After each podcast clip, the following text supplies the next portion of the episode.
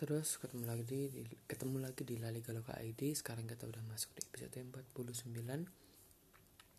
Selangkah lagi menuju episode 50 ya, nggak kerasa udah hampir episode 50 aja nih kita bareng-bareng di di podcast ini. Nah, kita akan banyak bahas soal El Clasico, tapi nanti itu akan dibahas oleh uh, teman saya Mahir untuk kita pertama akan rekap hasil-hasil di Hornada ke-7 kemarin ya. Pertama ada Cadiz dan Villarreal yang berakhir dengan skor 0-0. Getafe yang kalah 0-1 dari Granada. Real Sociedad yang menang 4-1 dari Huesca. Valladolid yang kalah 0-2 dari Alaves.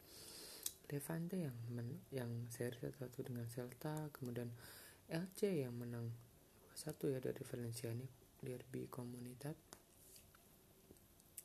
Barcelona yang kalah di El Clasico dengan skor 1-3 kemudian Osasuna yang menang 1-0 Sevilla kalah 0-1 dari Eibar Atletico Madrid menang 2-0 dari Real Betis Ya, seperti biasa minggu di sini akan lebih banyak membahas soal Atleti ya, karena itu klub yang saya ikuti paling sering.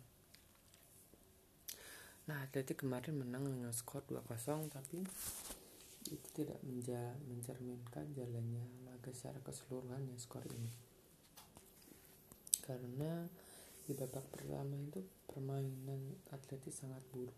Um, Real Betis jauh lebih mendominasi mereka bermain dengan lebih kompak uh, dengan pola permainan lebih jelas serangan yang lebih berbahaya. Cuman penyelesaian akhir mereka yang masih buruk.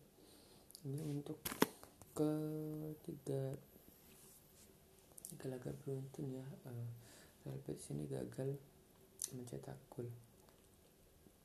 Nah baru di babak kedua lah Real eh Atletico Madrid itu berhasil memecah kebuntuan lewat gol Marcos Llorente dari sudut sangat sempit. Ini kecerdikan dia ya karena dia memanfaatkan jadi dia memanfaatkan pengalaman eh, Claudio Bravo dalam posisi yang sempit dan kiper pengalaman ini dia menduga Llorente akan memberi umpan silang tapi padahal Llorente di situ langsung menembak ke gawang. Dengan sudut yang sampai sempit yang tidak juga oleh siapa pun. Mungkin bahkan termasuk Simon tidak menduga.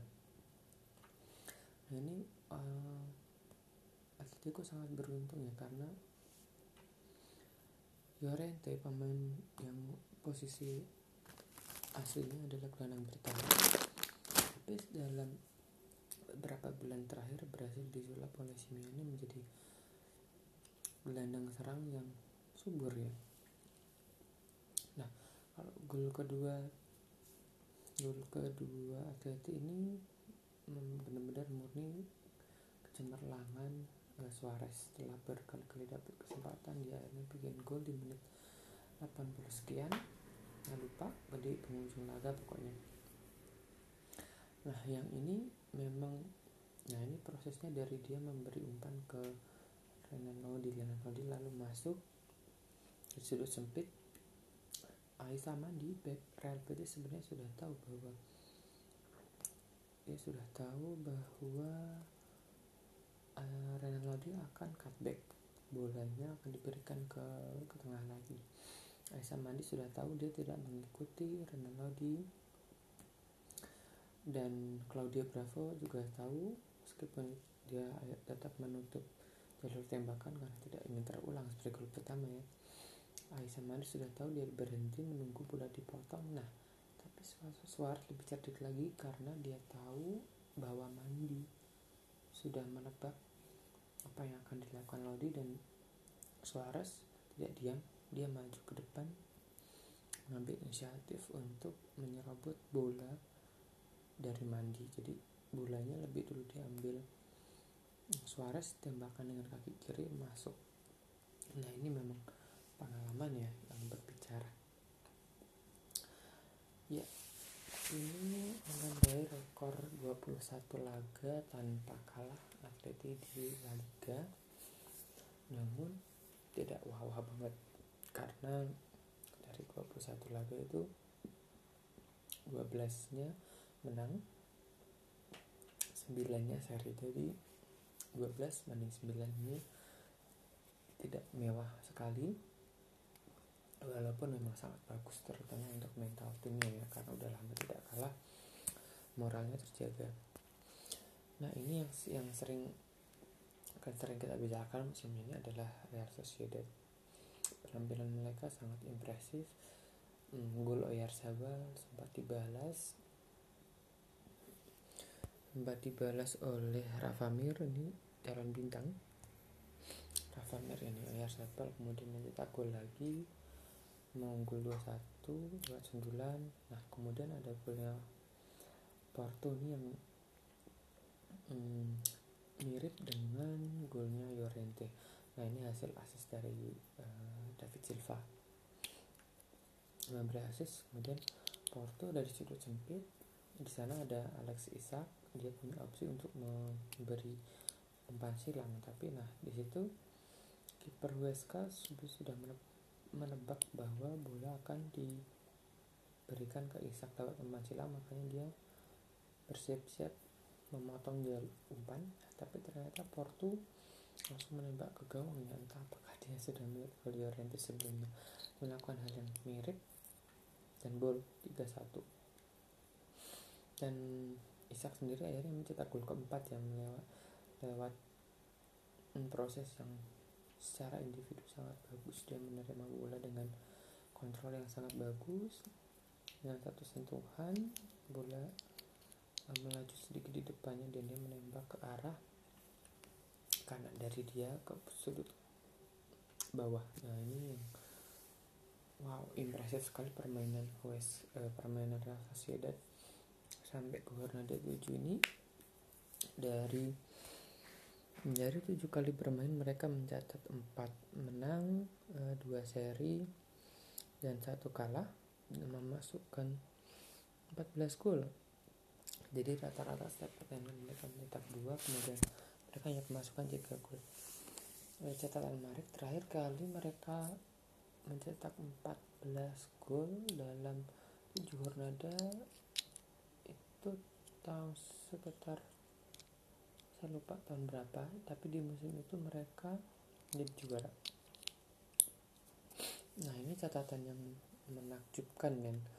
Kita mungkin ingat tahu musim 2002-2003 ketika Sociedad itu menjadi pesaing serius Real Madrid waktu itu ya. Bahkan pesaingnya sebetulnya ada Real Madrid karena mereka menyalip di bulan-bulan bulan Maret April mereka baru menyalip ya.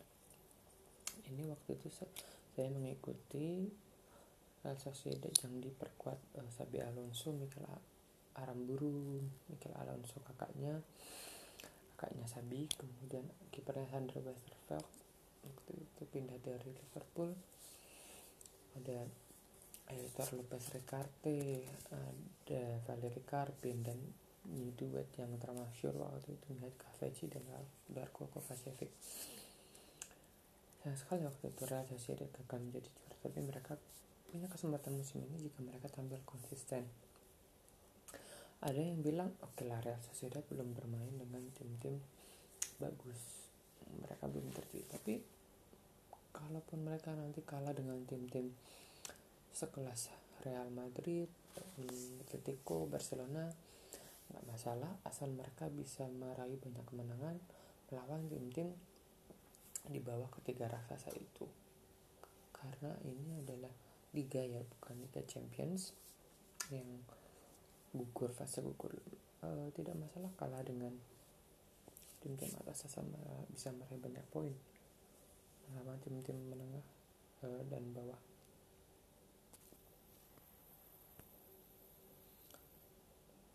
Nah, um, kemudian kita beralih ke Liga Champions. Kita ngomongin pertandingan hari Selasa malam ya, waktu setempat.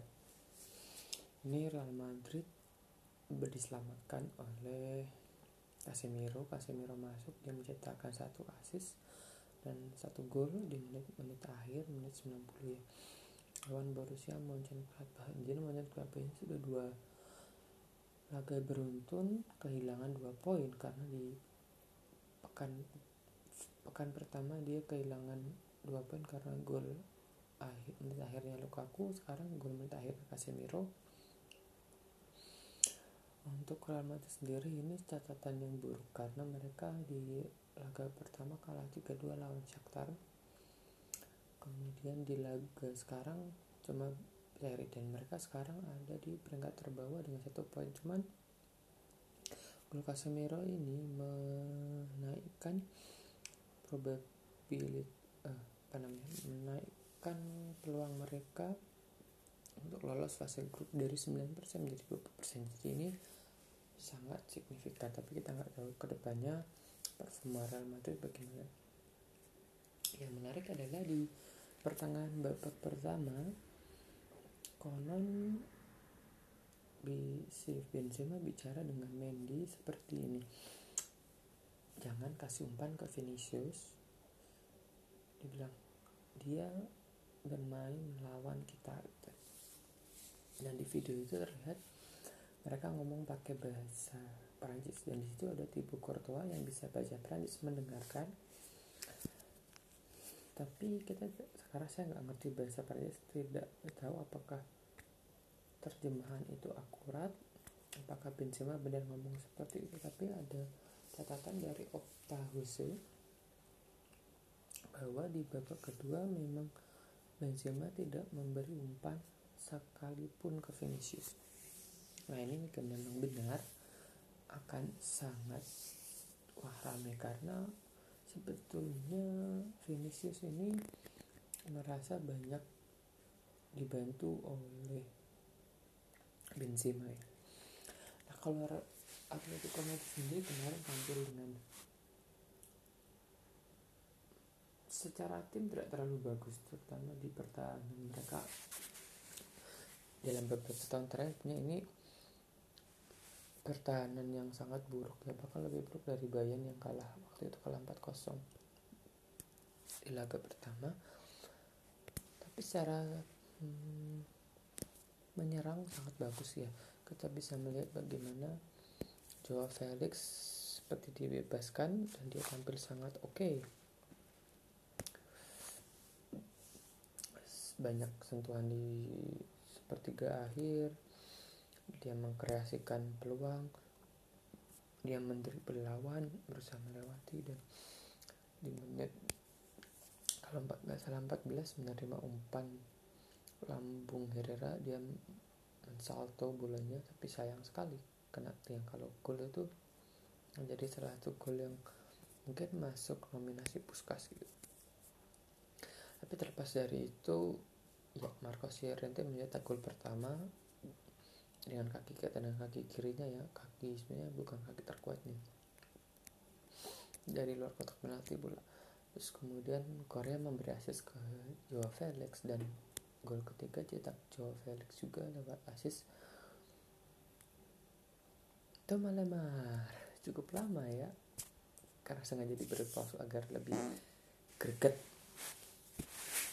Nah ini setelah 18 bulan ya akhirnya sama Lemar mencetak asis pertama dia saat berseragam Atleti mungkin ini akan jadi momen penting untuk meningkatkan kepercayaan diri Thomas Lemar gitu ya. Nah oke okay, sekian dulu bahasan soal uh, La Liga pertandingan dilakukan dan hasil-hasil klub Spanyol sejauh ini di di Liga Champions di pekan kedua ya. Ini direkam Rabu malam. Jadi kita akan tunggu hasilnya pertandingan eh, Barcelona dan Sevilla malam ini nanti kita akan bahas. Kita break dulu.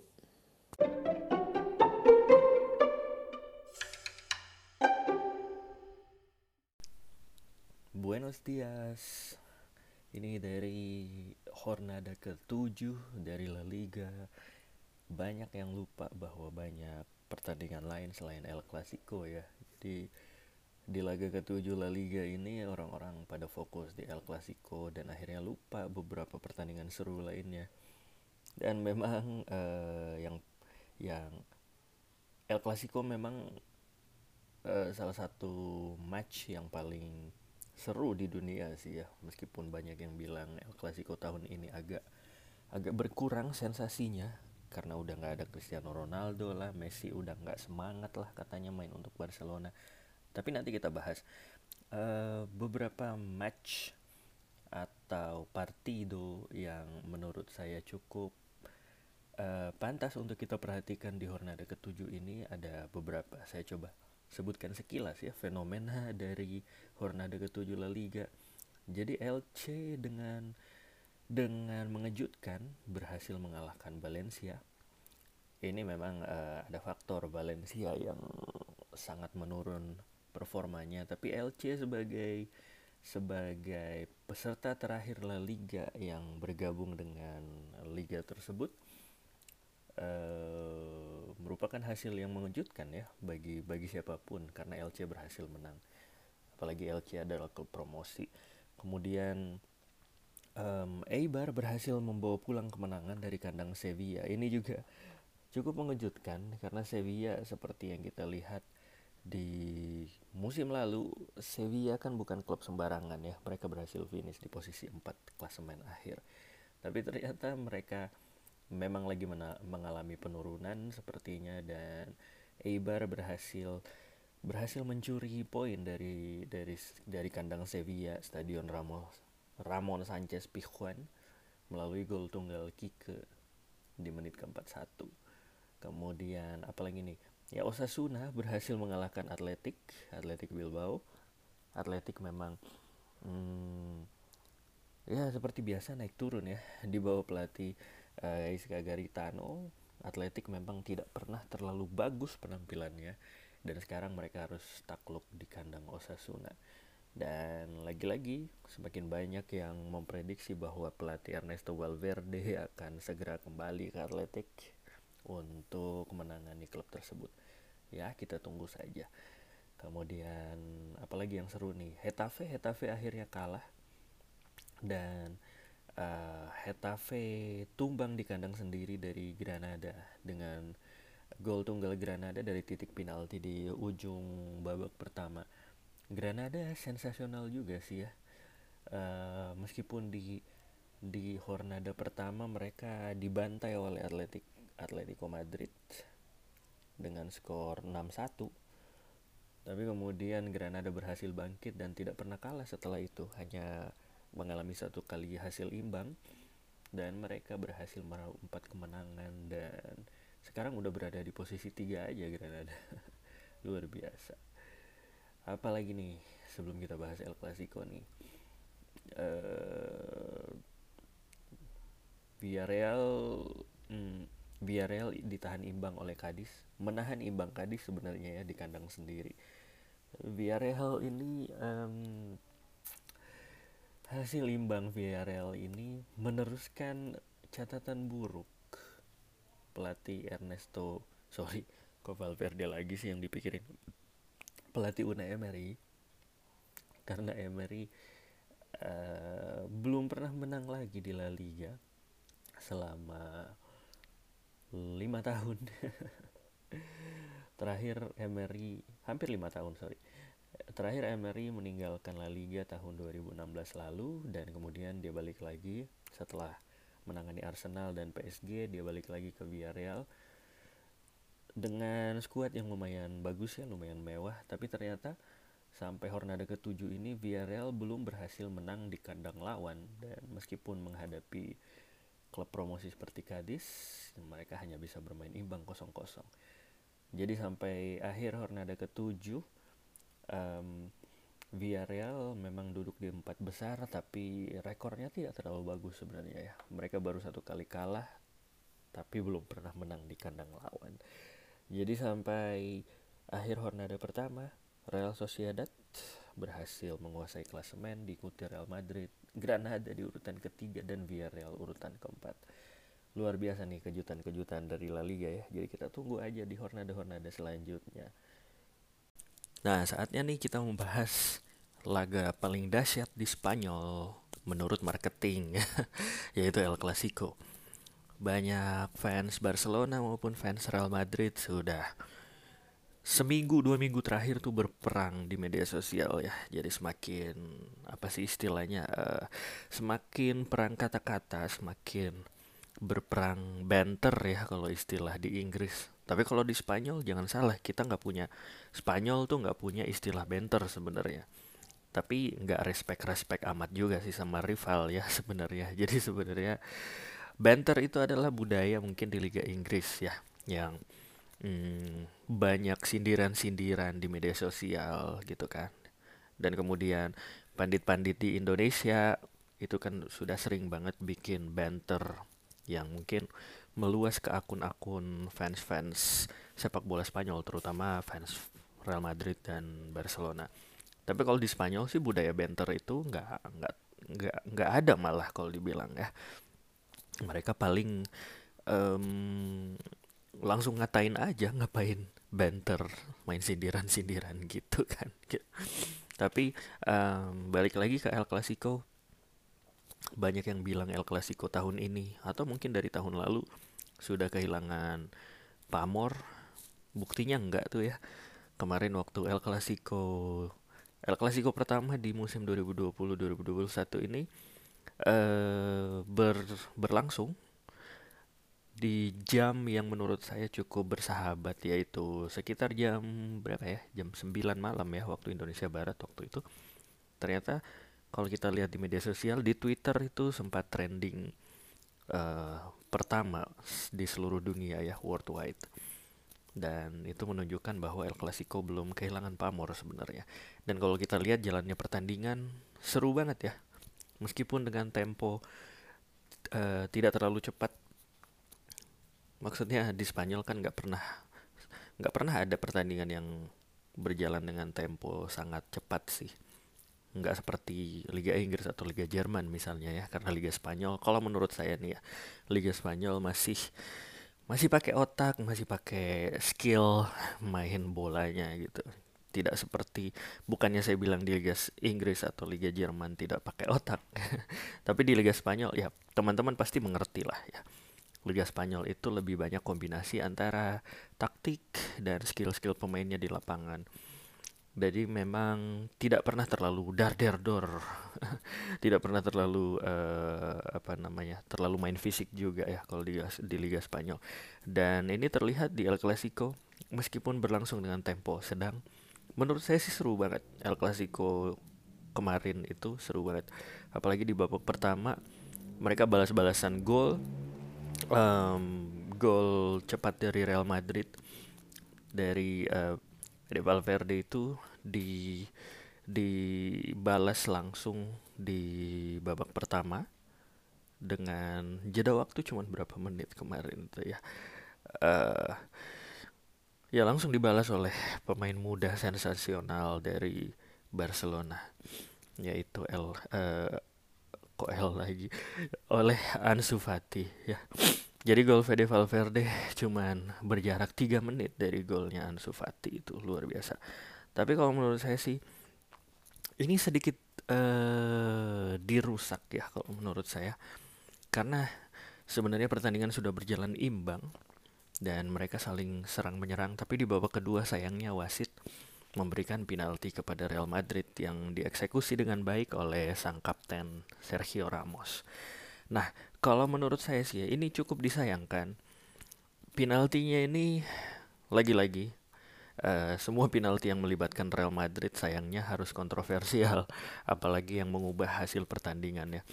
Tapi kalau menurut saya, yang pertama, penalti ini memang kontroversial, tapi kalau melihat pelanggarannya menurut saya sangat wajar uh, Real Madrid diberikan penalti ya. Jadi teman-teman pasti melihat juga ada tarikan yang memang dilakukan oleh Clement Longley center back Barcelona terhadap pemain pemain-pemain Real Madrid terhadap um, terhadap uh, pemain yang sudah berada di kotak penalti. Dan itu merupakan suatu pelanggaran sih sebenarnya di buku aturannya apalagi sampai menarik baju. Tapi kemudian um, yang yang menjadi kontroversi sebenarnya adalah kenapa wasit setelah mengeksekusi penalti itu uh, Sergio Ramos Real Madrid kemudian melakukan beberapa pelanggaran juga di kotak penalti. Bahkan ada handsball dan kemudian pelanggaran yang menurut saya sih cukup pantas juga untuk diganjar penalti. Seperti misalnya sewaktu Lionel Messi sempat diganjal oleh Casemiro di kotak penalti. Menurut saya sih minimal wasit itu harus ngecek uh, kamera ya. Atau asisten-asisten mereka harusnya melihat harusnya me, me, meninjau ulang kejadian tersebut dan memberi masukan kepada wasit kamu tinjau dulu deh insiden ini gitu. Tapi yang dilihat adalah wasit sepertinya seolah-olah um, pede aja. Jadi itu bukan pelanggaran. Ayo lanjut lanjut main gitu. Padahal kalau kalau kalau Real Madrid yang um, yang dilanggar itu akan langsung VAR akan langsung beraksi. Ya wasit wasit akan langsung meninjau video asisten referee atau VAR. Jadi buat para penggemar Real Madrid jangan langsung salah paham dulu ya. Tapi memang ini fenomena yang sudah dibahas di media-media Kenapa?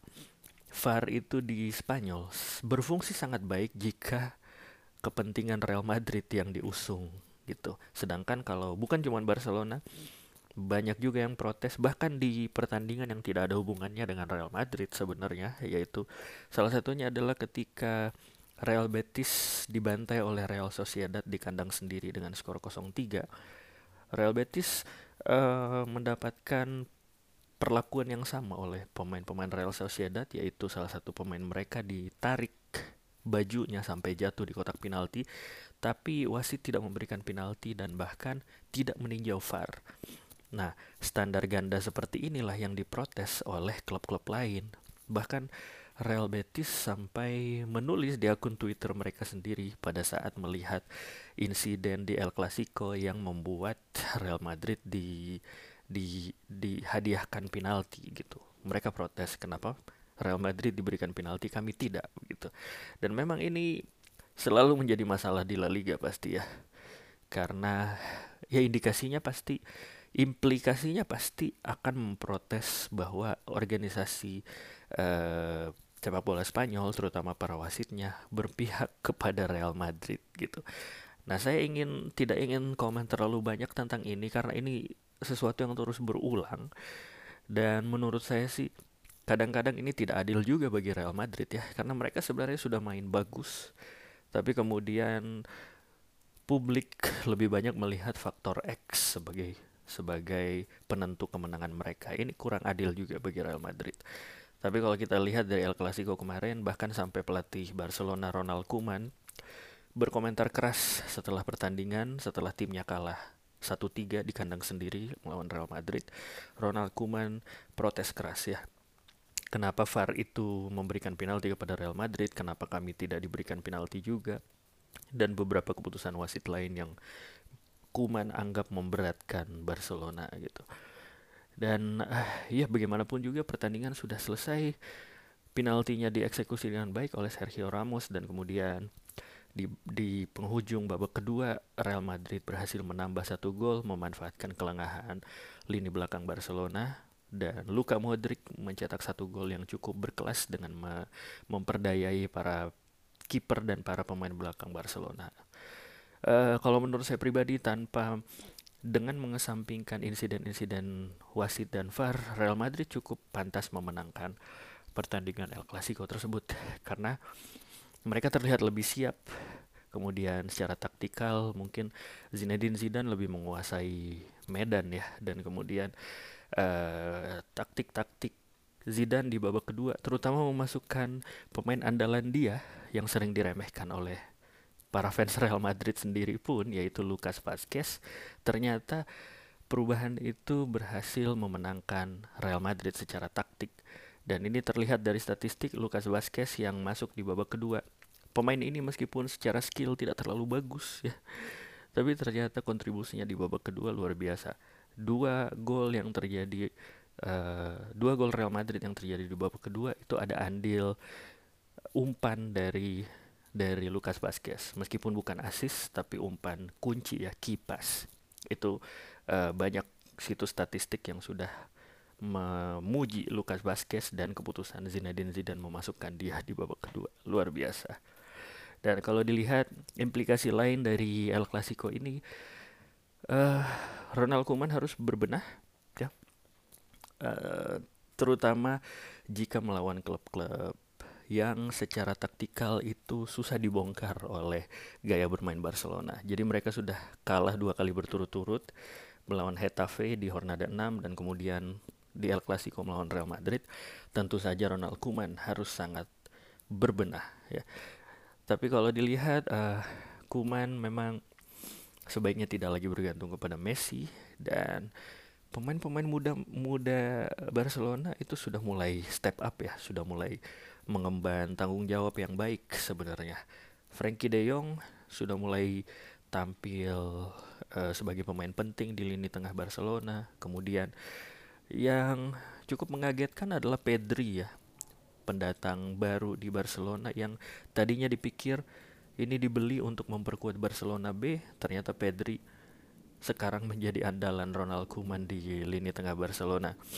Dan saya sendiri sih belum saya pribadi tidak melihat Pedri sebagai pemain yang siap, tapi ternyata di beberapa pertandingan terakhir Pedri, terutama di Liga Champions, Pedri merupakan salah satu pemain kunci dari Barcelona. Dan lagi-lagi Ansu Fati tentu saja yang mungkin uh, banyak orang yang menginginkan Ansu Fati ini akan menggantikan Lionel Messi ke depan gitu.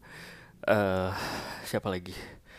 ya mungkin yang cukup disayangkan sih kenapa Ronald Koeman belum mempercayai Ricky Push ya ini para fans Barcelona mungkin juga masih garuk-garuk kepala tapi kita lihat aja Barcelona menurut saya sih saya yakin Barcelona akan bangkit terutama di putaran kedua. Tapi banyak PR yang harus diselesaikan dulu oleh Ronald Koeman. Nah kemudian dari sisi Real Madrid uh, lucu ya sebenarnya Zinedine Zidane melatih Real Madrid periode kedua ini. Karena yang pertama mereka tidak musim ini tidak mendatangkan pemain-pemain baru. Kalau dilihat Real Madrid pun mulai kehilangan kepercayaan terhadap senior-senior mereka, terutama Marcelo, pemain senior maksudnya, terutama Marcelo. Luka Modric pun mulai uh, sering uh, di bangku cadangkan, meskipun di laga El Clasico ini ternyata Modric tetap memegang peranan penting dalam mencetak gol ketiga ya. Tapi kalau dilihat juga Marcelo dan Modric sudah sudah berusia di atas 30 tahun dan harusnya para pemain-pemain muda Real Madrid harus segera sudah mulai um, memegang peranan penting di tim utama. Yang menggembirakan di El Clasico ini bagi para penggemar Real Madrid mungkin adalah Fede Valverde mulai tampil bagus di lini tengah dan kemudian um, dan kemudian kiper Thibaut Courtois yang kembali tampil sensasional menurut saya sih Courtois saat ini bisa dibilang kiper terbaik di dunia ya. Tapi kemudian yang mem memprihatinkan adalah pemain-pemain mudanya Real Madrid. Vinicius Junior belum memperlihatkan bahwa dia uh, pernah diprediksi sebagai salah satu wonderkid terbaik di dunia. Kan banyak tuh yang ingin menyamakan Vinicius Junior dengan Kylian Mbappe atau mungkin Marcus Rashford. Tapi ternyata kita lihat sampai sekarang Vinicius Junior tuh masih masih bermain seadanya ya. Jadi belum terlalu uh, belum terlalu terlalu penting lah sebenarnya bagi Real Madrid. Dan di lini depan Real Madrid masih sangat bergantung kepada Karim Benzema banyak juga fans Real Madrid yang saya lihat di media sosial mereka meremehkan Benzema yang terlihat sudah menurun kemampuan ya. Tapi kalau menurut saya sih secara intelektual permainan Benzema ini masih di atas rata-rata ya dan masih merupakan salah satu striker kelas dunia kalau menurut saya. Itu terlihat dari umpan um, umpan kunci Benzema yang di di di, dimanfaatkan dengan baik oleh Real Madrid dan menghasilkan gol pertama yang dicetak oleh Fede Valverde di El Clasico. Nah, ini tidak akan ada habis-habisnya kalau kita membahas terus El Clasico ya. Tapi intinya apakah kalian terhibur dengan El Clasico pertama musim ini? Saya pribadi merasa sangat terhibur dan saya yakin El Clasico ini tidak akan hilang uh, tidak akan tidak akan hilang lah pamornya. Meskipun satu dua tahun ke depan mungkin Lionel Messi akan meninggalkan Barcelona. Tapi kalau menurut saya sih El Clasico tetaplah El Clasico. Tanpa marketing pun ya sebenarnya kan El Clasico muatan sejarahnya sudah sangat dahsyat. Ini mungkin sudah sering kita bahas tapi muatan sejarah El Clasico ada bagusnya juga kita bahas lagi nanti mungkin kalau menjelang El Clasico kedua di bulan Maret atau April nanti ya. Tapi kita udahan dulu takutnya terlalu lama waktu yang saya ambil untuk berbicara. Dan bagi para penggemar La Liga jangan lupa untuk terus um, menunggu edisi-edisi terbaru rekaman podcast kami masih di La Liga Loka ID.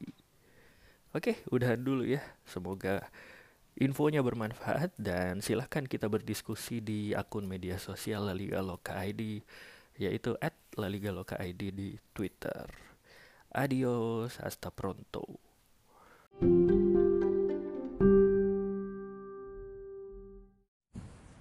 Hola todos, ketemu lagi bersama Mingke dan Mahir di La Liga Loka ID. Satu-satunya siniar alias podcast yang membahas La Liga dalam bahasa Indonesia ya.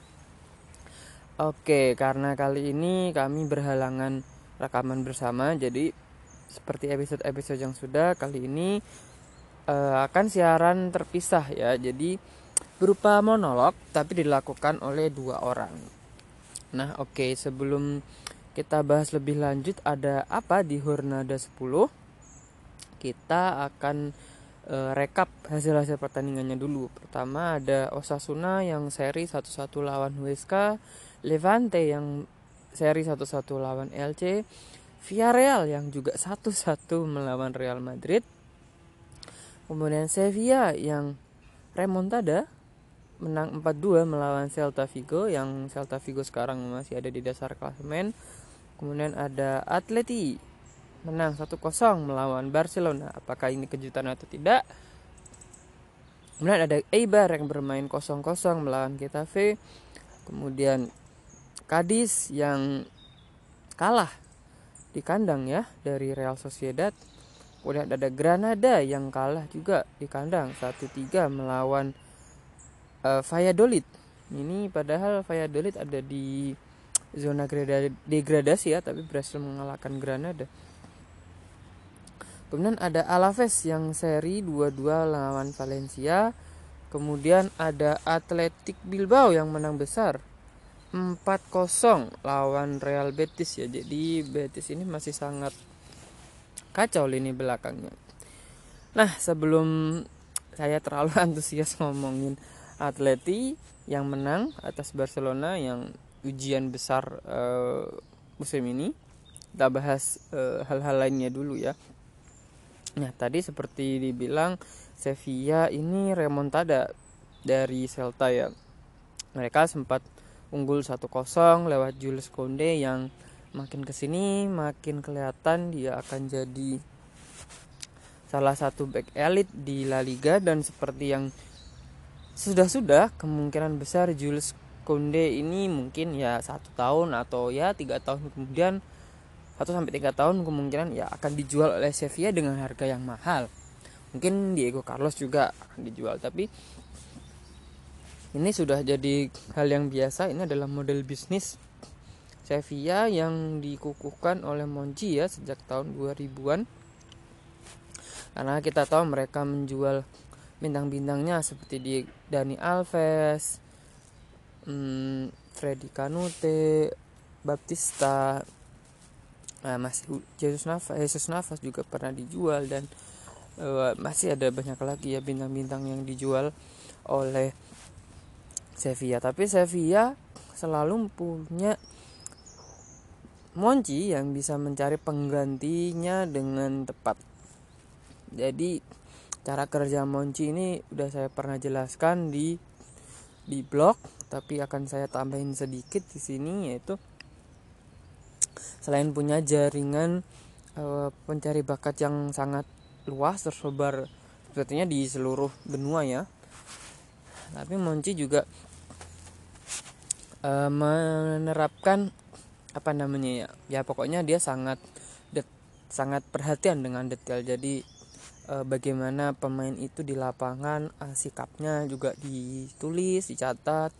Berapa kali dia umpan ke samping berapa kali umpan belakang umpan yang sukses umpan lambungnya umpan datarnya. Eh, bagaimana pergerakan tanpa bolanya itu semua dicatat oleh timnya Monchi. Sehingga ya kalau nanti Sevilla benar-benar kehilangan Jules Conde, Diego Carlos atau mungkin uh, siapa yang kemungkinan akan pindah itu mungkin Juan Hurdan juga eh, itu Sevilla tidak tidak tidak terlalu khawatir karena Monchi akan selalu punya pengganti. Nah, Celta Vigo ini baru ditinggal pelatihnya Oscar Garcia kemudian me, sedang ditangani pelatih baru Celta mas sebenarnya sempat punya harapan ya karena mereka uh, sempat unggul 2-1 tapi tapi Sevilla sepertinya uh, sedang dalam performa yang bagus setelah tiga kali laga di liga itu mereka kalah beruntun tapi berhasil remontada di Lali, di Liga Champions dan sekarang remontada lagi di La Liga. Tapi ya bisa dimaklumi karena Celta masih kondisinya sangat buruk sehingga eh, hasil Sevilla ini melegakan tapi ya tidak mengagumkan gitu bisa dibilang. Nah kemudian ada hmm, Valencia.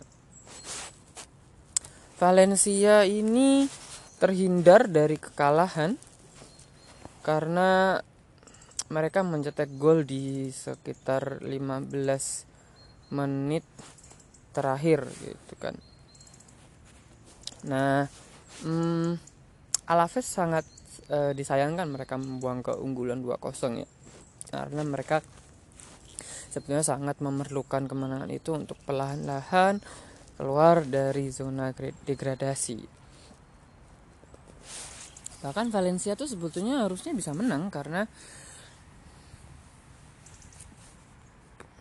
oh, sorry Valencia sebenarnya bisa menang karena uh, Gameiro mendapat kesempatan bagus di menit 94 dia tinggal berhadapan dengan uh, Pacheco kipernya Alaves tapi ah itu peluang yang mano mano amanu one on one dengan kiper. Cuman entah kenapa finishingnya ini sangat uh buruk.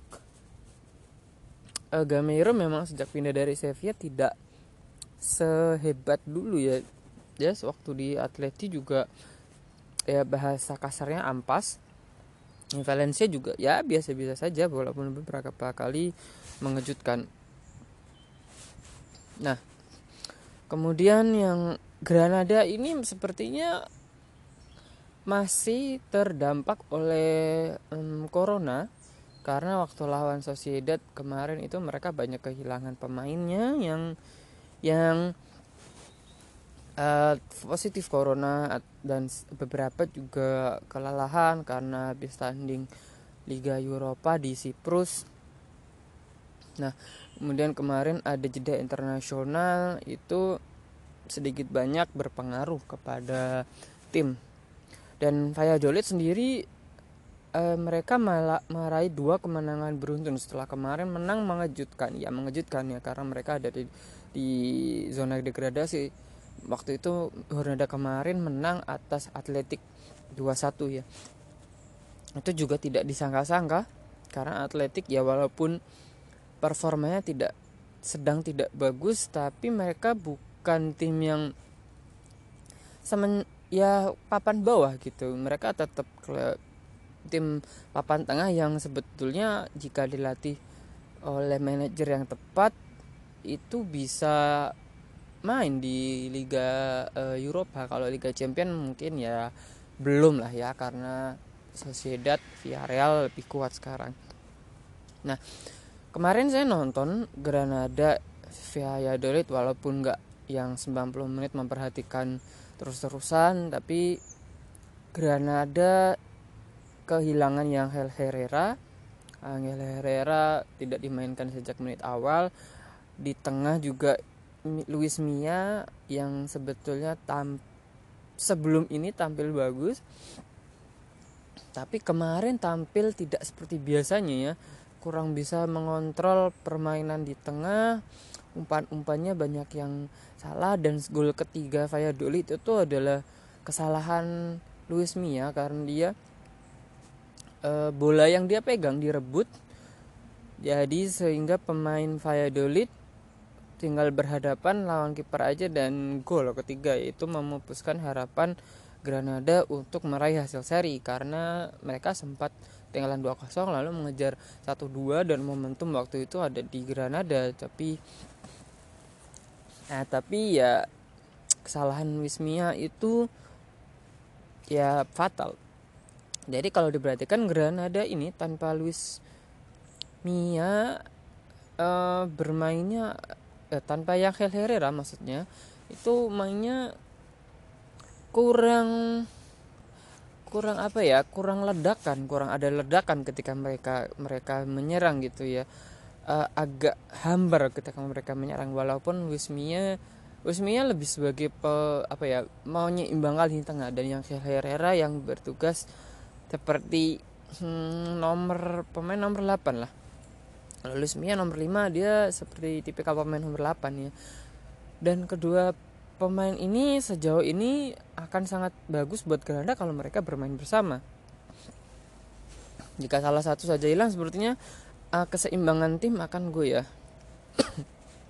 Yang di lini depan Molina juga sudah sudah tua jadi agak sulit diharapkan untuk dia bisa uh, main bagus uh, minggu ini tiap minggu gitu. Dan mungkin Granada juga terdampak oleh jadwal mereka yang ketat karena mereka juga main di Liga Eropa ya untuk pertama kalinya. Nah, oke, okay, eh, kekalahan Granada ini mengakibatkan tim-tim um, yang belum kalah di kandang jadi berkurang. Sebelumnya itu ada Granada, Villarreal dan Atleti, tapi sekarang tinggal Villarreal dan Atleti. Nah, Villarreal nanti gimana mereka terhindar dari kekalahan itu bisa akan dibahas oleh Mahir ya. Terus kemudian ada um, Atletik lawan Betis yang menang. Wah, Betis ini seperti dibilang Colin Miar yang menulis buku The Frying Frying Pan of Spain. Dia membahas persaingan Sevilla dengan Real Betis. Real Betis ini bukan tim yang pemiliknya itu segawat Peter Lim Valencia atau presidennya sengaco uh, Bartomeu di Barcelona ya tapi Betis ini selayaknya iri dengan Sevilla yang dijalankan dengan lebih bagus ya good governance tata kelolanya sangat-sangat bagus ini Sevilla. Makanya mereka bisa tampil di Liga Champion mereka bisa konsisten masuk empat besar masuk ya Liga Eropa lah lah. Minimal mereka kemarin juga juara kan. Nah Real Betis yang paling mencolok musim ini mereka tim yang kebobolan uh, kalau nggak salah bentar saya lihat catatan. Kalau nggak kedua terbanyak itu paling banyak ya lini pertahanan mereka sangat-sangat mengkhawatirkan sangat-sangat mengkhawatirkan Nah, Real Betis sesuai catatan itu mereka kemasukan 21 gol. Ternyata ini yang paling banyak di La Liga musim ini karena Celta yang di dasar klasemen itu baru kemasukan 19 gol. Jadi Real Betis ini hmm, apa mungkin mereka menerapkan uh, filosofi seperti ini ya? Apa itu yang di Ice da, da, da, diamond ya yang pokoknya kita nyerang terus nyerang terus belakangnya mah bodoh sabodo teing masuknya Pellegrini Pellegrini ini juga sejauh ini belum menunjukkan hasil positif kecuali di di, di galaga pertama ya mereka menang dan clean sheet.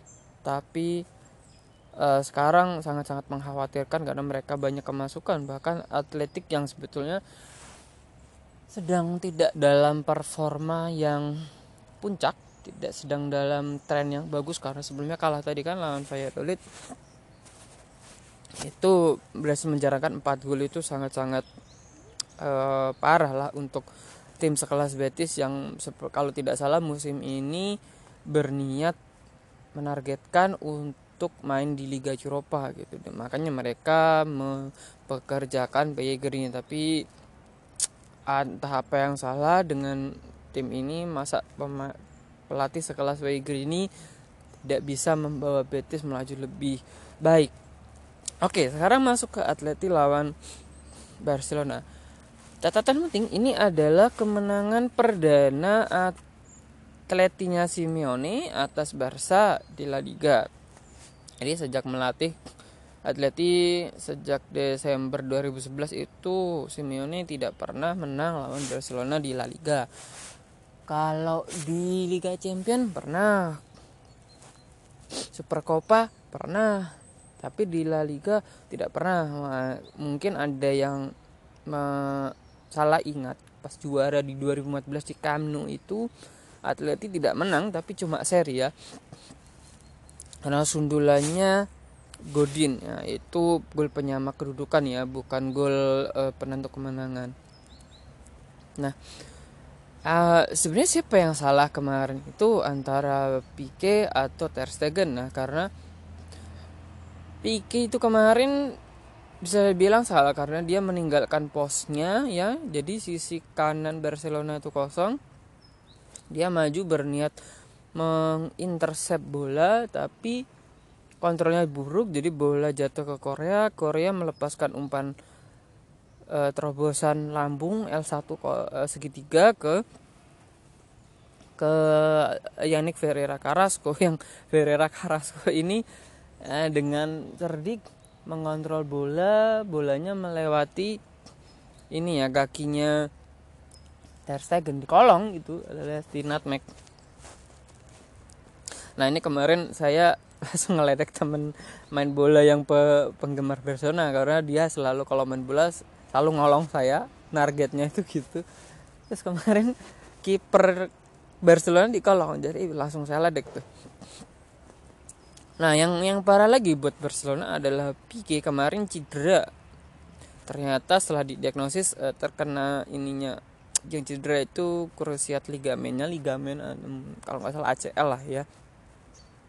Itu karena kemarin tabrakan dengan Korea. Jadi Korea jatuh badannya menimpa lutut lutut kirinya kalau nggak salah lutut kirinya Pique itu sampai kemudian agak eh uh, bengkok gitu ya terlihat itu kalau lihat aja dan biasa main bola pasti bakal paham segimana sakitnya. Karena karena tidak seharusnya lutut bengkok seperti itu ya tapi memang nggak bisa menyalahkan Korea karena Korea jatuh waktu itu dia duel dengan Sergi Roberto. Dia jatuh dan kalau jatuh kita tidak bisa mengontrol kan bagaimana dan ke mana kita akan jatuh sehingga senasib sial Pique ya karena setelah didiagnosis kemungkinan dia akan absen paling tidak kalau nggak salah itu empat bulan. Jadi Barcelona tidak lagi punya back tengah selain Clement Langley Longley uh, Araujo cedera. Eh, tidak ada lagi um, Om Titi juga nggak tahu ke mana masih misterius nah ada kabar-kabar katanya ya mungkin mereka akan Barcelona setelah ini akan memakai back dari Barca B atau mengubah Frankie De Jong terpaksa jadi center back ya ini seperti Mascherano nah um, Atleti kemarin bermain nah, kemarin Atleti menunjukkan bahwa mereka juga bisa menyerang, mereka juga bisa bertahan ya seimbang. Dibandingkan dengan 2014 mereka tahu cara bertahan tapi cara menyerang taunya cuma dengan hmm, serangan balik. Ada yang bilang pandit-pandit bilang Atleti yang musim ini lebih komplit karena masa transisi mereka sudah lewat yaitu musim kemarin. Musim kemarin mereka nyerang bingung, bertahan bingung, kumaha deui ya musim ini sudah tahu cara bermain dan Simeone sepertinya sudah menemukan formula yang pas. Carrasco juga sudah kembali dari perantauan di Cina sepertinya dia sudah tobat. Carrasco ini yang dia nggak punya masalah besar dengan uh, Simeone atau tim.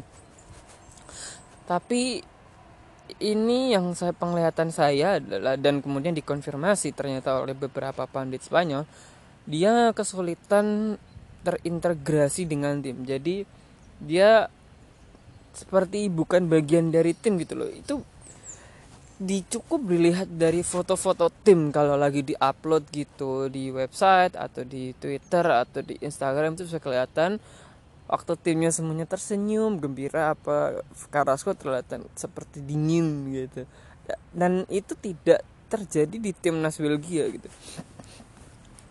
Jadi entah entah kenapa ya mungkin dia memang introvert mungkin atau ya merasa tidak cocok di luar lapangan ya. Kalau di lap dalam lapangan sepertinya tidak ada masalah. Tapi sepertinya Carrasco berubah ya musim ini seperti ditambah lebih dewasa dan dia jadi salah satu aset yang sangat penting bagi Atleti karena punya pemain bagus di sayap yang bisa masuk ke dalam atau tetap di sayap gitu.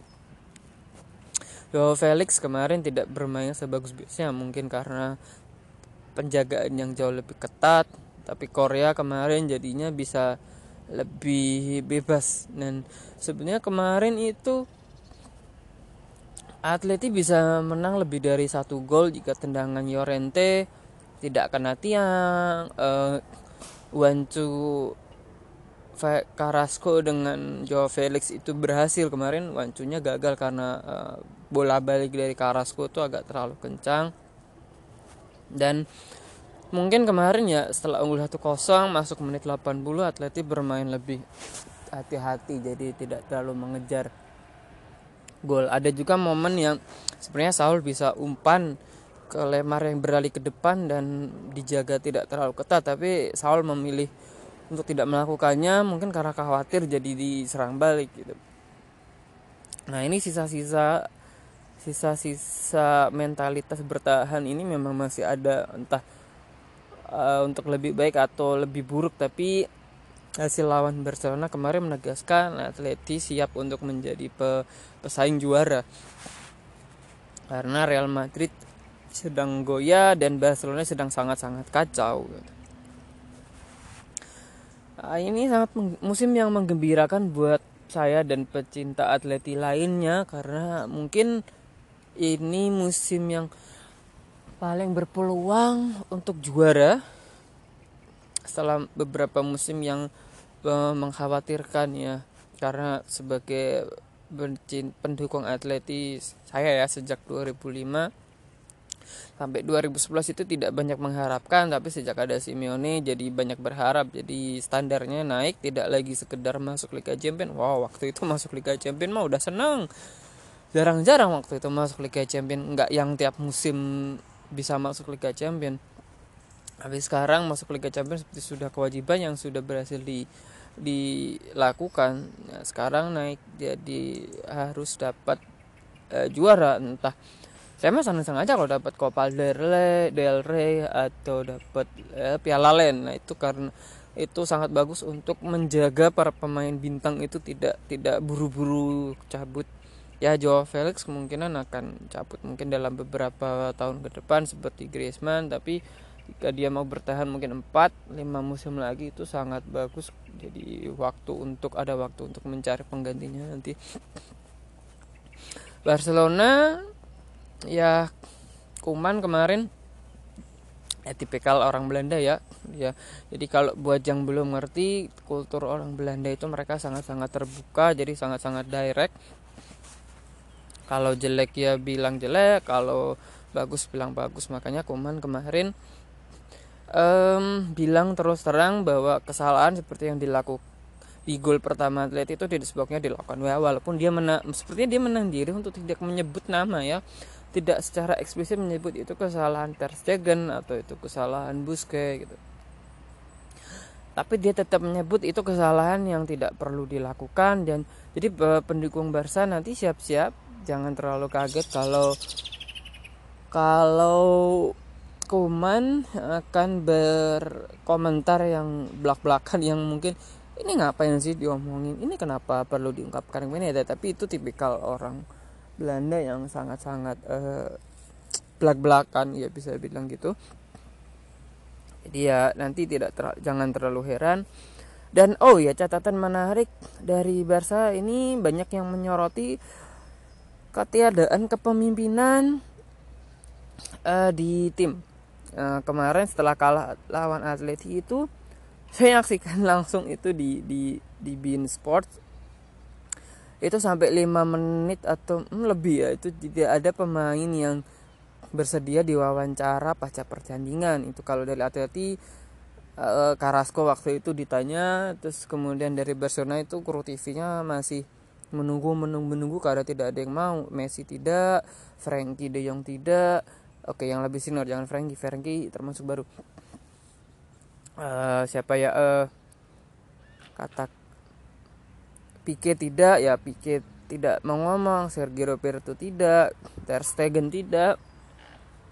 Jadi kemarin yang akhirnya keluar berbicara dengan kru TV untuk wawancara pas pertandingan adalah Pedri. Pendengar ya, Pedri ya, Pedri yang baru 17 tahun dan baru bagian dari tim musim ini walaupun dia langsung jadi pemain inti.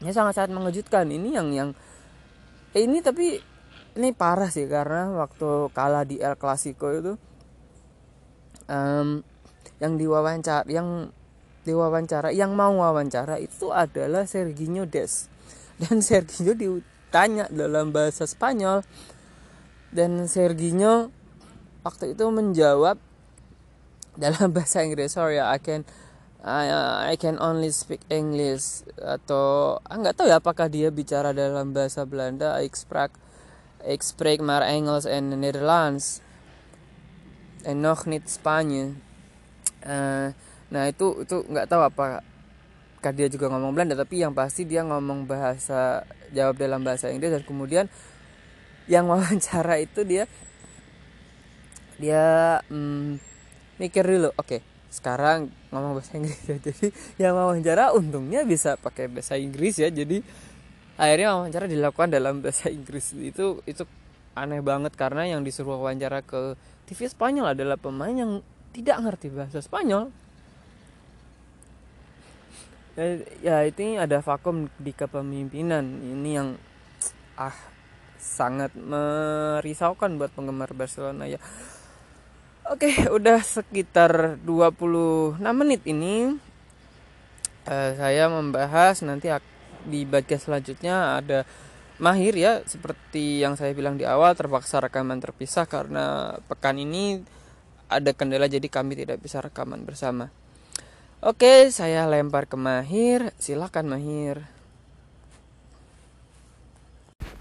Buenos dias, buenas tardes, buenas noches.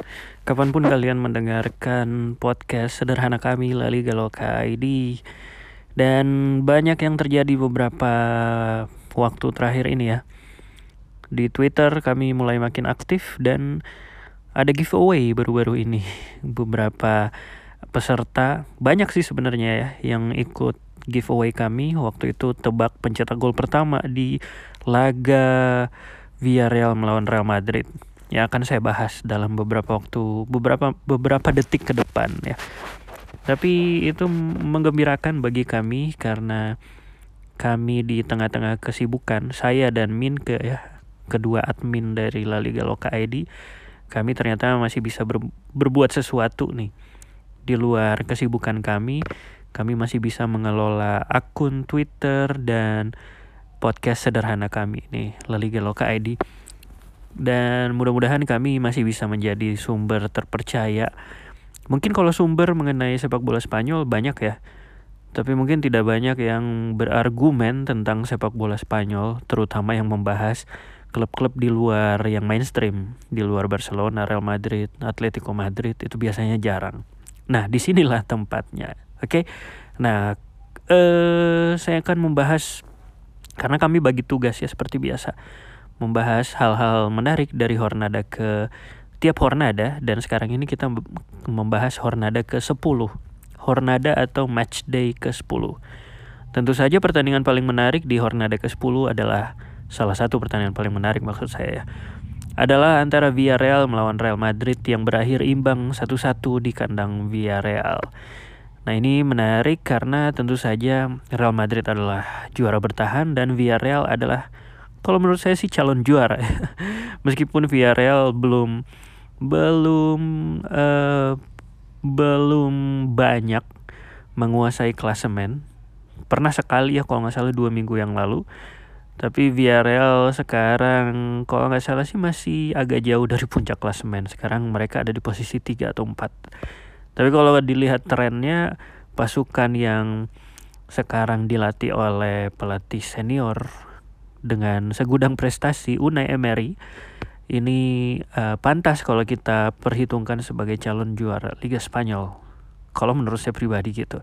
Nah di laga di Hornada ke-10 ini seru banget ya. Ada yang lihat nggak pertandingannya?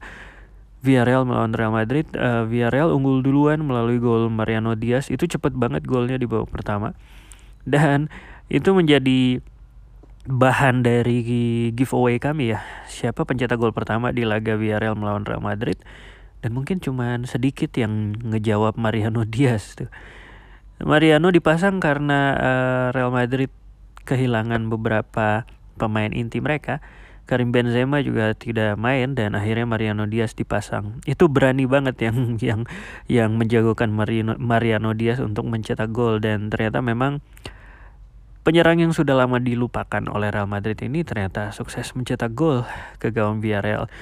Tapi kemudian uh, di terutama di babak kedua kalau menurut saya ya uh, Villarreal itu berhasil mengontrol pertandingan dan Real Madrid kalau menurut saya sih uh, bisa dibilang beruntung lah tidak kalah dari Villarreal dan Villarreal hanya mencetak gol melalui titik penalti pada saat uh, seorang pemain dari Villarreal dijatuhkan siapa sih waktu itu Samu Chukwueze yang diganjal di kotak penalti di babak kedua dan Gerard Moreno sukses mengeksekusi tendangan penalti tersebut.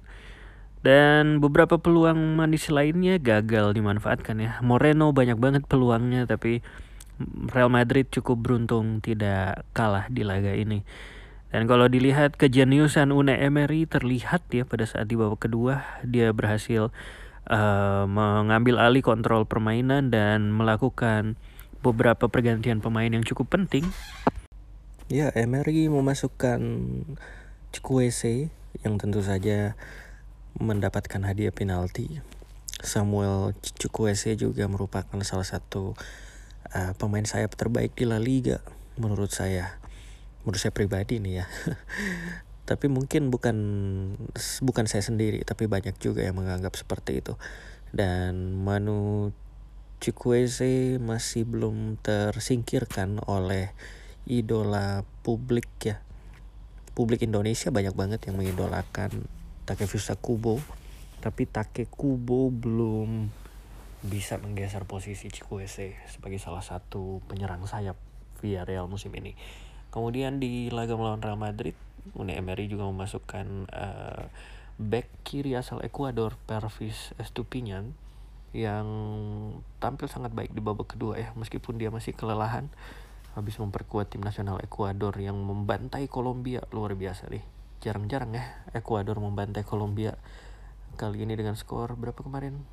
6-1 dan di laga itu Estupinian bermain luar biasa dan di laga melawan Real Madrid juga terlihat uh, dua pemain ini Chukwueze dan Estupinian betul-betul dominan di di sektor kiri Villarreal. Dan satu lagi yang paling penting adalah ketika um, Unai Emery tentu saja mem mempercayakan lini tengah kepada Vicente Iborra. Vicente Iborra masih ada yang ingat?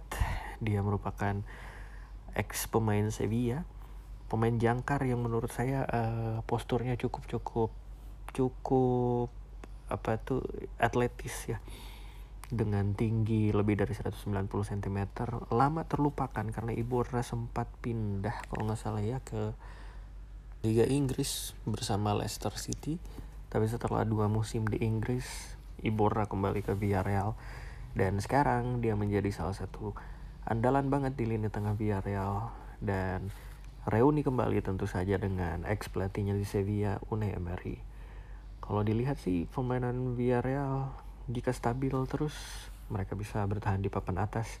Dan sebaliknya kalau Real Madrid terus bermain seperti ini ya uh, gimana ya? Karena Real Madrid di beberapa laga terakhir mereka sangat tidak konsisten. Dan di laga melawan Villarreal ini di uh, tour kedua mereka dalam dua hornada terakhir ke region Valencia ya karena Villarreal berada di region Valencia juga itu Real Madrid beruntung tidak kalah dan kalau kita berkaca sama sama satu hornada sebelumnya, maksudnya dua minggu yang lalu sebelum jeda internasional itu Real Madrid kan dibantai oleh Valencia dengan skor 4-1. Dan tentu saja setelah El Clasico kayaknya Real Madrid belum belum bagus-bagus amat nih permainannya nih. Nah, kita lihat aja selama beberapa pekan ke depan apakah Zinedine Zidane berhasil membangkitkan semangat pemain-pemain Real Madrid tentu saja. Oke, kita tinggalkan dulu laga Villarreal melawan Real Madrid. Karena menurut saya ada juga yang yang yang menarik untuk dibahas yaitu Sevilla. Mereka berhasil menang meskipun dengan sedikit sus susah payah melawan klub penghuni dasar klasemen yaitu Celta Vigo. Padahal mereka main di kandang sendiri ya. Itu ada yang nonton pertandingannya nggak? Itu seru banget kalau menurut saya. Uh, via eh, sorry Sevilla, Villarreal udah tadi ya jadi Sevilla mereka akhirnya bangkit sudah bangkit ya sebenarnya minggu lalu uh, sorry Hornada lalu tapi di Hornada ke-10 ini mereka kembali menang dengan skor meyakinkan meskipun tadi sempat disinggungnya mereka sempat kesulitan di laga melawan Celta Vigo ini. Tapi setidaknya ini kemenangan kedua berturut-turut setelah menang tipis 1-0 atas Osasuna minggu lalu sorry Hornada lalu karena minggu lalu kan jeda internasional. Sekarang mereka menang lagi dengan skor 4-2 melawan Celta Vigo. Nah ini uh, track tren yang cukup baik bagi Sevilla karena sebelum dua pertandingan mereka menang ini mereka mengalami tiga kekalahan berturut-turut ya dan Uh, pada saat itu pelatih Julian Lopetegui tentu saja berada di bawah tekanan banget. Tapi sekarang saya pikir Sevilla udah mulai santai nih. Di laga melawan Celta Vigo yang mereka menang 4-2 itu uh, terlihat mereka sempat kesulitan ya. Jadi di babak pertama mereka mencetak gol lumayan cepat di menit kelima melalui melalui back mereka yang sedang naik daun dan menjadi incaran banyak klub Liga Inggris yaitu Jules Conde tapi kemudian Celta Vigo sempat memimpin dengan dua gol yang dicetak uh, kalau saya lihat sih ini ada andil performa tidak meyakinkan dari kiper Valencia. Sorry kok Valencia sih? Sevilla ya. Kiper Sevilla yaitu Thomas Vaclik nah Thomas Vaclik ini kan di musim lalu dia merupakan pilihan utama. Tapi kemudian di musim ini pelatih Julian Lopetegui lebih memilih kiper asal Monaco Yasin Bono alias Bono. Tapi kemudian Bono di laga ini, laga melawan Celta Vigo maksudnya, dia harus harus absen karena terkena Covid. Nah, Thomas Vaclik dia main lagi nih ya. Tapi kemudian di gol pertamanya Celta Vigo dia blunder banget, gagal menangkap bola, akhirnya jatuh ke kaki Iago Aspas. Nah, kalau bola udah jatuh di kaki Iago Aspas di depan gawang itu udah hampir pasti berbuah gol ya. Dan Celta Vigo kemudian unggul 2-1 tapi kemudian sebelum babak kedua dimulai uh, striker Sevilla Yusuf Nesri ternyata berhasil mencetak gol. Dan ini kabar yang bagus sebenarnya bagi para Sevillistas karena Yusuf Nesri yang beberapa waktu lalu dikritik karena tentu saja kita ingat dia gagal mengeksekusi peluang ya melawan Bayern Munchen di di Piala Super Eropa. Tapi kemudian Enesri berhasil mencetak gol gol-gol penting, salah satunya di Liga Champions, kemudian yang baru-baru ini gol penyama kedudukan dengan sundulan yang menurut saya lumayan indah ya. menyambut umpan crossing yang sangat matang dari sang, sang kapten Jesus Navas yang baru saja berulang tahun ke-35. Dan setelah gol itu di babak kedua Sevilla memegang kendali permainan. Menurut saya sih udah mereka udah mentalnya udah bagus ya. Dari babak kedua akhirnya mereka menambah dua gol melalui gol back kiri Sergio Escudero dan yang terakhir gol yang terakhir mereka dicetak oleh ex Barcelona Munir El Haddadi. Sevilla sekarang berada di uh, papan tengah ya kalau nggak salah dan masih berpeluang banget untuk menembus zona Liga Champions. Di lain pihak Celta Vigo nih mereka baru saja ganti pelatih kan ya. Dan belum terlalu ngefek. Ini belum terlihat uh, sentuhan dari pelatih baru mereka tapi mereka masih berada di zona degradasi. Nah kalau dilihat musim lalu Celta Vigo lolos dari degradasi di saat-saat akhir bahkan detik-detik akhir apakah musim ini Celta Vigo bisa lolos lagi? Kita tunggu saja. Oke kita tinggalkan lagi pembahasan tentang Sevilla dan tentu saja kita harus banget membahas tentang Real Sociedad ya. Sang pemimpin klasemen dan mereka mencatatkan 6 kemenangan beruntun dalam uh, 6 hornada terakhir. Luar biasa sih Real Sociedad musim ini ya. Sociedad sampai hornada ke-10 hanya kalah satu kali pada saat itu saya juga bingung kenapa mereka kalah ya lawan Valencia dengan skor 1-0 di kandang sendiri 0-1 maksudnya tapi kemudian habis itu mereka bangkit dan berhasil mencetak 6 kemenangan beruntun tentu saja. Luar biasa banget Real Sociedad musim ini termasuk uh, salah satu salah satu penampilan mereka yang paling paling meyakinkan itu pada saat mereka membantai Real Betis ya dengan skor 3-0 itu luar biasa. Dan di laga Hornada ke-10 ini mereka sukses mencuri gol di kandang Cadiz idola para warga Indonesia. Di Kadis ya karena mereka sudah punya akun Twitter berbahasa Indonesia. Tapi anyway Kadis di laga ini melawan Real Sociedad. Kalau menurut saya uh, laganya ber, berjalan sangat imbang. Tapi kemudian Real Sociedad mereka terlihat mainnya rapi banget. Kalau kalau kalian melihat Real Sociedad di akhir-akhir ini ya selama enam laga terakhir terutama mereka menang terus itu rapi banget. Uh, skema bermain mereka rapi banget dan terlihat kita udah sering membahas juga terlihat lini tengah mereka sangat-sangat mendominasi. Karena lini tengah mereka banyak banget nih uh, nama-nama yang disegani ya. Tentu saja kita harus nyebut David Silva legenda Manchester City ini yang kemudian bergabung secara free transfer ke Real Sociedad.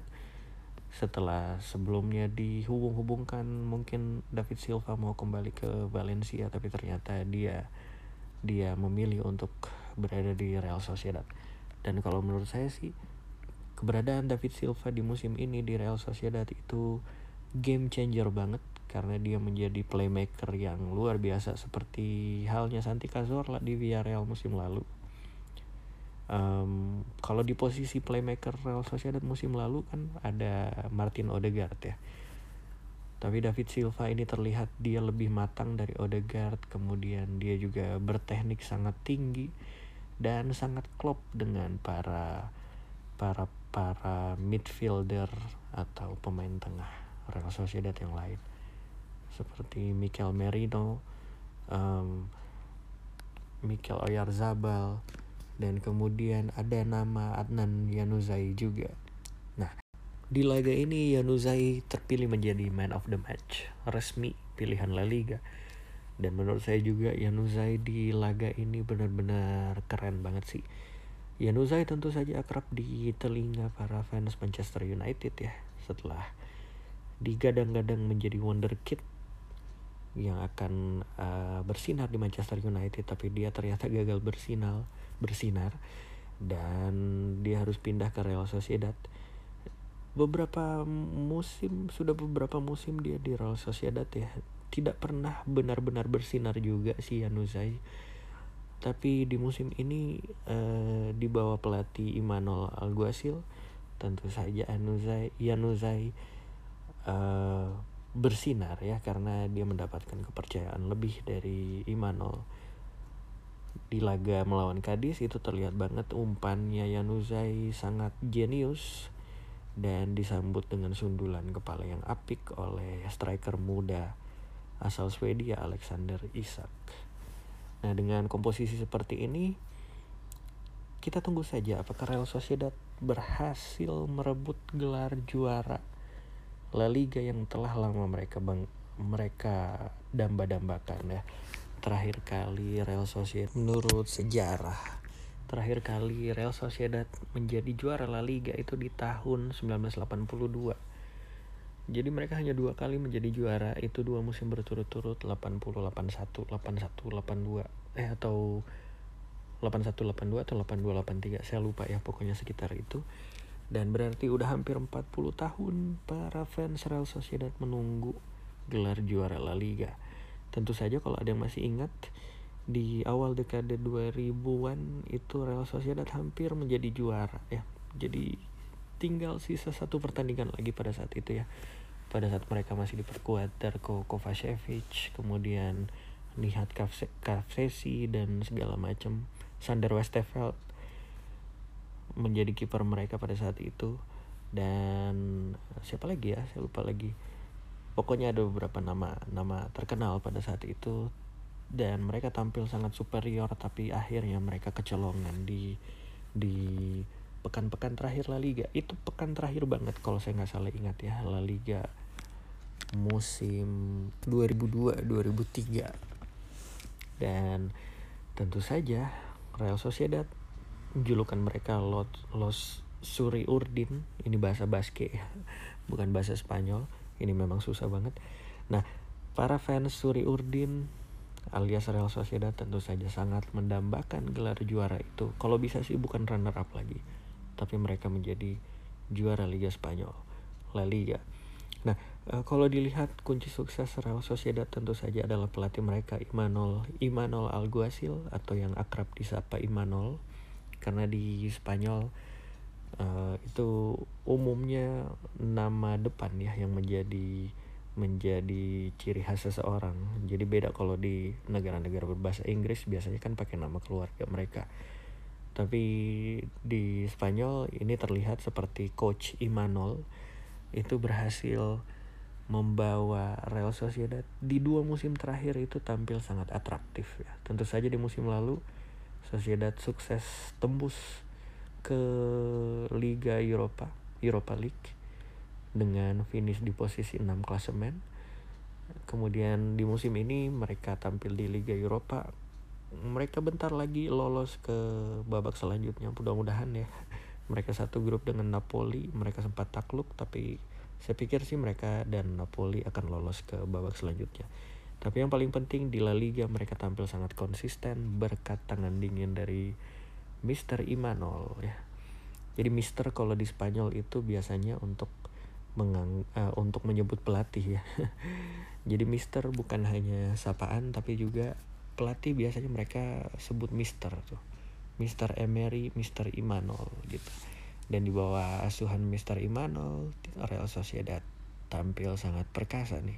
Kita tunggu saja apakah mereka sukses menjadi juara La Liga. Memang tentu saja masih panjang ya tapi tentu saja eh, banyak pasti yang mengharapkan angin segar tidak hanya Barcelona dan Real Madrid saja yang yang mendominasi La Liga tapi butuhlah sekali-sekali kita lihat juara baru.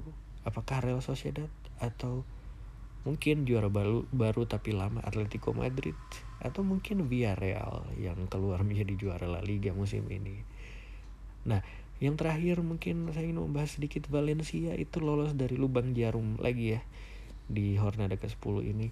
Mereka hampir takluk oleh uh, mereka hampir takluk di kandang Alaves. Dan akhirnya dua gol di menit 80-an menyelamatkan mereka dari kekalahan. Jadi skor 2-2 di kandang Alaves Valencia masih bertahan di papan tengah. Ini kalau dilihat tidak buruk-buruk amat ya, karena Valencia sebenarnya kehilangan banyak banget kekuatan mereka setelah ditinggal banyak pemain Dani Dani Parejo, kemudian Francis Coquelin, banyak banget pemain mereka yang pindah. Tapi uh, dua gol yang dicetak ke gawang Alaves pun sebenarnya dicetak oleh pemain-pemain muda mereka Manu Vallejo dan uh, Hugo Guillamon Hugo Guillamon adalah andalan baru di timnas Spanyol U21 dan Manu Vallejo adalah uh, sebenarnya musim lalu dia bersinar di Cadiz ya. Tapi musim ini belum kelihatan tentu saja karena dia masih muda. Dan satu trivia menarik Manu Vallejo itu adalah uh, adalah anak dari kiper Villarreal di dekade 90-an 2000-an yaitu Javi Vallejo. Kalau ada yang masih ingat Javi Vallejo sebelum Pepe Reina menjadi kipernya Villarreal, nah itu kipernya bapaknya Manu Vallejo. Dan eh, Valencia meskipun berada di posisi di papan tengah dan itu sebenarnya tidak terlalu buruk ya posisi mereka kalau menurut saya pribadi sih uh, Valencia melakukan revolusi yang sebenarnya cenderung berani tapi kalau misalnya ini berhasil masa depan mereka cerah karena justru pemain-pemain muda mereka yang muncul ke permukaan ya gitu. Kemudian yang terakhir, sorry tadi udah saya bilang terakhir ya. Nah ini satu deh yang terakhir banget adalah Granada yang uh, sayangnya mereka takluk di kandang sendiri oleh Real Valladolid ya dengan skor 3-1 dan ini eh, beberapa minggu yang lalu kita memuji-muji Granada sebenarnya ya karena mereka tampil mereka sempat naik di puncak klasemen tapi kemudian uh, momentumnya hilang dan kemudian mereka turun lagi posisinya.